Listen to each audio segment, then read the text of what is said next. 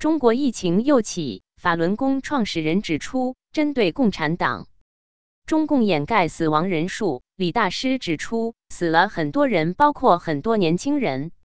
大纪元二零二三年八月二十八日讯，大纪元记者方晓报道，中国大陆的新冠疫情，中共病毒又起。近两个月，大陆知名高校的专家、高级行政官员、企业高管、青壮年警察等密集病亡，其中很多被官方宣传为优秀党员，但中共一直掩盖疫情，掩盖其死因。法轮功创始人李洪志大师近日再次指出，新冠疫情主要是针对共产党以及那些盲从中共、维护中共、为中共卖命的人。目前死了很多人，包括很多年轻人。今年一月，李洪志大师开示，三年多来，中共一直在掩盖疫情，中国的疫情已经死了四亿人。新变异株来袭，确诊数在攀升。八月十九日。中共国家疾病预防控制局称，COVID-19 新变异株 EG5 已经在中国绝大多数省份形成优势流行，从四月的百分之零点六增长至八月的百分之七十一点六，未来一段时间内很可能继续保持此趋势。EG5 变异株为中共病毒奥密克戎 XBB.1.9.2 的一个亚分支。世界卫生组织将 EG5 归类为需留意变异株 （Variant of Interest），指出应比其他变异株受到更密切关注，因为 EG5 突变后传染性可能会变得更高或引发更严重病情。八月十六日，路媒上官新闻报道，从上海多家医疗机构获悉，近日新冠门诊人数增幅为百分之十至百分之十五。近期。大陆各地网民纷纷发帖爆料，自己身边及熟悉的人陆续出现三阳。八月十八日，网民林布里称，开往深圳的高铁 G 幺幺八九车厢前半截全是娃娃哭，后半截某个香港游学团大几十号人全部发烧，还走来走去互相摸摸，谁烧的更严重。我没口罩，去别的车厢买口罩。要经过占据一半座位的发烧学生团车厢，那就是经过疫区买口罩，风险更高。一名北京网民说：“七月底的时候，北京发热门诊一天二十几个阳的人，到了八月中旬，一天就一百二十个阳的人。想想这飙升速度。”也有上海网民说，公司里咳嗽的人显着增加，甚至一夜之间冒出好几个戴口罩的。青壮年警察、司法官员密集病亡。七月至八月，大陆司法官员及多名青壮年警察密集病亡，他们皆为中共党员，最年轻者仅二十三岁。八月十七日，澎湃新闻报道，北京市西城区法院党组书记、院长陈丽如于八月十五日去世，终年五十岁。陈丽如曾任北京市高级法院办公室主任。北京市通州区法院党组书记、院长、审判委员会委员、审判员、二级高级法官。另据具有中共公安背景的微博认证账号“金盾丰碑”的信息，中共党员、湖南省永州市东安县公安局卢洪市派出所一级警员王瑞聪，八月一日去世，年仅二十三岁。中共党员、广西桂林市公安局叠彩分局警察潘春全。八月二日去世，年仅四十六岁。中共党员、广东省普宁市公安局刑侦大队二中队民警、一级警司陈永群，八月五日去世，年仅三十六岁。中共党员、江苏省宿迁市公安局交警支队指挥中心主任李建兰，八月七日去世，年仅三十四岁。云南省牟定县公安局看守所、拘留所一级警长李洪春。八月五日去世，年仅五十五岁。中共党员，山西省太原铁路公安局临汾公安处霍州车站派出所所长、一级警长武阳，七月二十七日去世，年仅三十四岁。中共党员，贵州省毕节市黔西市公安局中山派出所所长赵华伟，七月二十六日去世，年仅三十八岁。中共党员。江西省南昌市公安局东湖分局大院派出所所长、一级警长魏和友，七月二十五日去世，年仅五十一岁。中共党员，沈阳铁路公安局通化公安处乘警支队三级高级警长蔡维臣，七月二十二日去世，年仅五十九岁。中共党员，甘肃省兰州市公安局交警支队河北大队一级警长杨成，七月二十日去世，年仅四十九岁。贵州省安顺市公安局西秀分局盐蜡派出所一级警长熊荣祥，七月三日去世，年仅五十七岁。同日，云南省腾冲市公安局治安大队户政中队长孙正波死亡，年仅四十一岁。中共党员。江苏省连云港市公安局徐圩新区分局刑警大队教导员一级警长许树林去世，年仅五十四岁。半个月内，知名高校十多名教授病亡，多数是党员。据中共官方媒体报道，北京卫生官员六月曾表示，新冠病毒仍是北京的头号传染病。八月三日，中共疾控局的统计显示，七月底以来。全国新冠阳性率上升百分之十三点四，而且死亡人数继续增加，表明疫情再次升温。据公开消息，今年七月底至八月上旬，北大、清华、北外等大陆知名高校至少有十名教授病亡，其中七人为中共党员，三人为医学专家，两人为法学专家，包括北外教授、北外联合国医训部创始人张载良。中国医科大学附属第一医院原院长、肿瘤外科专家李继光，中国政法大学教授郭成伟等人。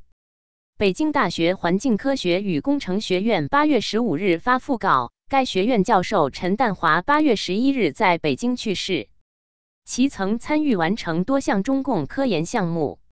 北京外国语大学八月十六日发讣告，该大学欧洲语言文化学院罗马尼亚语专业教授。博士生导师冯志臣八月十四日在北京去世，讣告称其为中共优秀党员。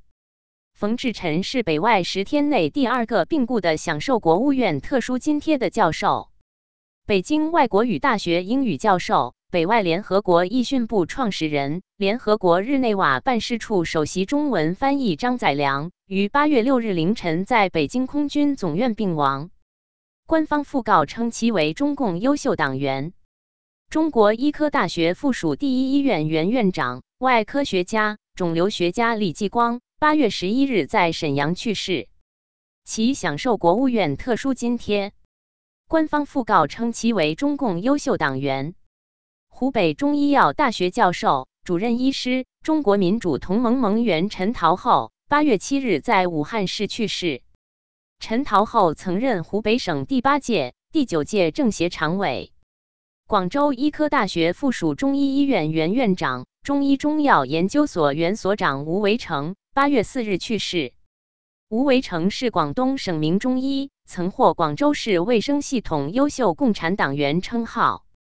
西南政法大学行政法学院教授文正邦八月十一日在重庆去世，其享受国务院特殊津贴。官方讣告称其为中共优秀党员。中国政法大学教授郭成伟八月十日在北京去世，其享受国务院特殊津贴。官方讣告称其为中共优秀党员。中共党员，浙江外国语学院党委学工部副部长、学生处副处长叶义珍八月二日去世，年仅四十一岁。北大多名教授专家去世。一人仅五十三岁。六月中下旬至七月底一个半月内，北京大学至少十名教授及高级行政官员病亡，多半为中共党员，包括五十三岁的物理学院党委副书记郑涛。北京大学官网发布的讣告显示，中共党员、北京大学国际关系学院教授陆廷恩因病七月十六日在北京去世。陆廷恩于一九九二年十月起。享受国务院特殊津贴。中共党员、北京大学电脑学院教授吕进玉七月十三日在北京中日友好医院去世。吕进玉是电脑应用领域图形图像学专家，曾主持多项中共国家公关项目。北京大学第三医院职业病科创始人、原主任王世俊七月十二日在北京去世。官方讣告称其为中国职业病学奠基人之一，曾主编中国第一部职业病学教科书。一九九零年开始享受国务院特殊津贴。中共党员，北京大学考古文博学院教授、古文字学家葛英会，七月十日在北京去世。葛英会曾参与山东省长岛北庄、珍珠门等遗址的发掘。北京大学外国语学院德语系教授赵荣恒六月二十八日在北京去世。赵荣恒一九九三年十月起享受国务院特殊津贴。中共党员，北京大学物理学院技术物理系副教授郑涛，六月二十七日在北京去世，年仅五十三岁。郑涛曾获北京大学优秀党务工作者等称号。中共党员，北京大学政府管理学院教工蔡长龄，六月二十七日在北京去世。北京大学基础医学院教授，号称中共免疫学科创始人之一的龙振洲，六月十八日去世。近期多名国企高管去世，一个月内数名中共国企高管去世，他们均为中共党员。他们包括中国商用飞机有限责任公司纪委书记赵九方、南京医药产业集团总经理刘启莲、东风汽车集团原董事长孙红俊、中国联通原董事长王金成、中国冶金科工集团原董事长金天亮等人。八月十二日。中国商用飞机有限责任公司发讣告称，中国商飞党委常委、纪委书记、国家监委驻中国商飞监察专员赵九方八月六日在北京去世，终年五十九岁。讣告称其为中共的优秀党员。南京银行股份有限公司监事会八月九日发公告，公司第九届监事会股东监事刘启莲去世，终年六十岁。东风汽车公司原党委书记、东风汽车集团原董事长孙红俊七月三十一日在广州去世。官方讣告称其为中共优秀党员。中共党员，原西北轴承集团有限责任公司副总经理兼总工程师何家群七月三十日在北京去世。其生前享受中共国务院特殊津贴。中国联通官网七月二十五日发讣告。联通前董事长、党组书记王金成七月二十三日在北京去世。王金成是中共政协第九届、十届全国委员会委员，中共党员，第十一届全国政协委员，中国中煤能源集团有限公司第一任董事长，中国冶金科工集团有限公司原董事长金天亮七月十八日在北京去世。原申银万国证券股份有限公司党委副书记、监事长田恩民七月十四日去世。官方讣告称其为中共优秀党员。中共体育总局官员病亡。中共国家体育总局冬季运动管理中心七月二十七日发讣告：中共党员、国家体育总局冬季运动管理中心原副主任兰丽七月二十五日病亡，终年六十八岁。大陆媒体报道称，兰丽作为中国短道速滑的奠基者之一，参与了短道速滑和花式溜冰两个中国代表团金牌项目的赛事组织工作。中共国家体育总局是中共国务院主管体育工作的正部级直属机构。该局官网发布的讣告显示，二零二零年初大陆爆发疫情以来，包括兰利在内，该局至少有二十七名官员病亡。美研究机构称，大陆两月一百八十七万人染疫亡，被指可能严重低估。三年疫情期间，中共始终采取极端风控措施，造成无数人道灾难，最终引爆反风控的白纸运动。去年十二月，中共突然无预警结束了为期三年的清零政策，不再开展常态化核酸检测及实施严格的隔离管控。随即，新一波疫情席卷全国。各地的医院发热人群大排长龙，中国各大城市的殡葬系统处于瘫痪状态。卫生专家指出，中共政府基本上没有报告这一情况。路透社八月二十五日报道，由美国联邦政府资助的西雅图哈钦森癌症中心 （Fred Hutchinson） 研究报告显示，二零二二年十二月至二零二三年一月期间，除西藏以外的中国大陆所有省份。因各种原因导致的三十岁以上人群额外死亡人数达一百八十七万人。报告提到，研究人员利用中方已发布的讣告信息和中国互联网搜索引擎百度等搜索数据进行了统计分析。但鉴于大陆官方对讣告信息和互联网都严加控制，该报告的数字仍有严重低估的可能。中共国家卫健委没有立即回应对该研究报告的置评请求。中共疾控中心一月八日曾宣称，去年十二月七日至今年一月八日期间，三十七人染疫死亡。对此，举国上下无人相信。在多方舆论压力下，今年一月十四日。中共卫健委官员称，二零二二年十二月八日至二零二三年一月十二日，全国累计发现在院感染相关死亡病例五万九千九百三十八例。但外界有许多质疑声，认为实际死亡人数远超出官方给出的数据。由于火化遗体数量可以作为观察染疫死亡人数参考，中共民政部及各省民政部门的火化遗体数据备受关注。但中共民政部六月九日公布的二零二二年四季度民政统计数据没有按惯例发布火化遗体的数据。该部六月十六日发布的二零二三年一季度民政统计数据也没有火化遗体数据。今年七月十三日，浙江省民政厅公布了今年第一季度火化遗体数据，数字较去年增长超过百分之七十二。相关报告随后被删除。财新七月十七日报道了这些数据，但文章也很快被撤下。外界分析认为，浙江省公布的火化遗体数据泄露了去年底开放疫情管控以来，中国巨大死亡人数的冰山一角。李洪志大师明示真机。二零二二年十二月初，中共被迫放弃清零，让民众应阳尽阳，导致全国范围内迎来了新一波疫情海啸。全国各大城市的医院与火葬场前大排长龙，甚至出现了一炉多尸、当街焚尸、用海鲜冷库存放尸体，以及大规模扩建殡仪设施的惨烈场景。而广大农村地区也出现了同一个村庄多家在同一天办丧事，多地农村增添了大量新坟的情况。中共则极力掩盖染疫死亡人数，发布的疫情数据难以自圆其谎。这场瘟疫到底有多少人死亡？外界从多个角度推测、估算，都难以得到一个确切的数字。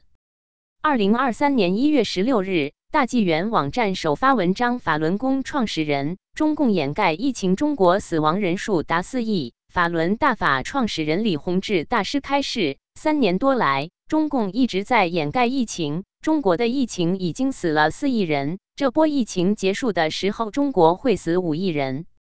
李大师说：“上次萨斯出现的时候，中国死了两亿人。多年后，中共发现人口减少了，马上放开二胎制、三胎制。”李大师的上述言论在全世界引起反响。一月十七日，中共国家统计局罕见公布，去年中国人口自一九六一年以来首次出现下降。但中共只是罕见承认了人口下降。对三年疫情中的死亡人数讳莫如深，导致这场持续不断的瘟疫的根本原因是什么？出路何在？每个人都急切想得到避疫良方。李洪志大师多年来一直在开示真机。疫情爆发之初，李大师于二零二零年三月在《理性》一文中指出，其实瘟疫本身就是针对人心道德变坏、业力大了而来的。李大师明示解救之道。目前中共病毒、武汉肺炎这样的瘟疫是有目的、有目标而来的，他是来淘汰邪党分子的，与中共邪党走在一起的人的。不信你们看一看，目前最严重的那些国家，都是与邪党走得近的人也是一样。那么怎么办？远离中共邪党，不为邪党站队，因为他背后是红色魔鬼。表面行为是流氓，而且无恶不作。神要开始铲除他了，为其站队的都会被淘汰。不信就拭目以待。疫情的发展印证着李大师的话：中国一波接一波的大规模疫情中死了很多人，尤其是去年末到今年初，很多中共官员、官方宣称的优秀党员、中共的追随者，包括各领域的顶尖专家学者、名流明星等病逝，但中共当局一直掩盖他们的死亡真相。责任编辑：张宪义。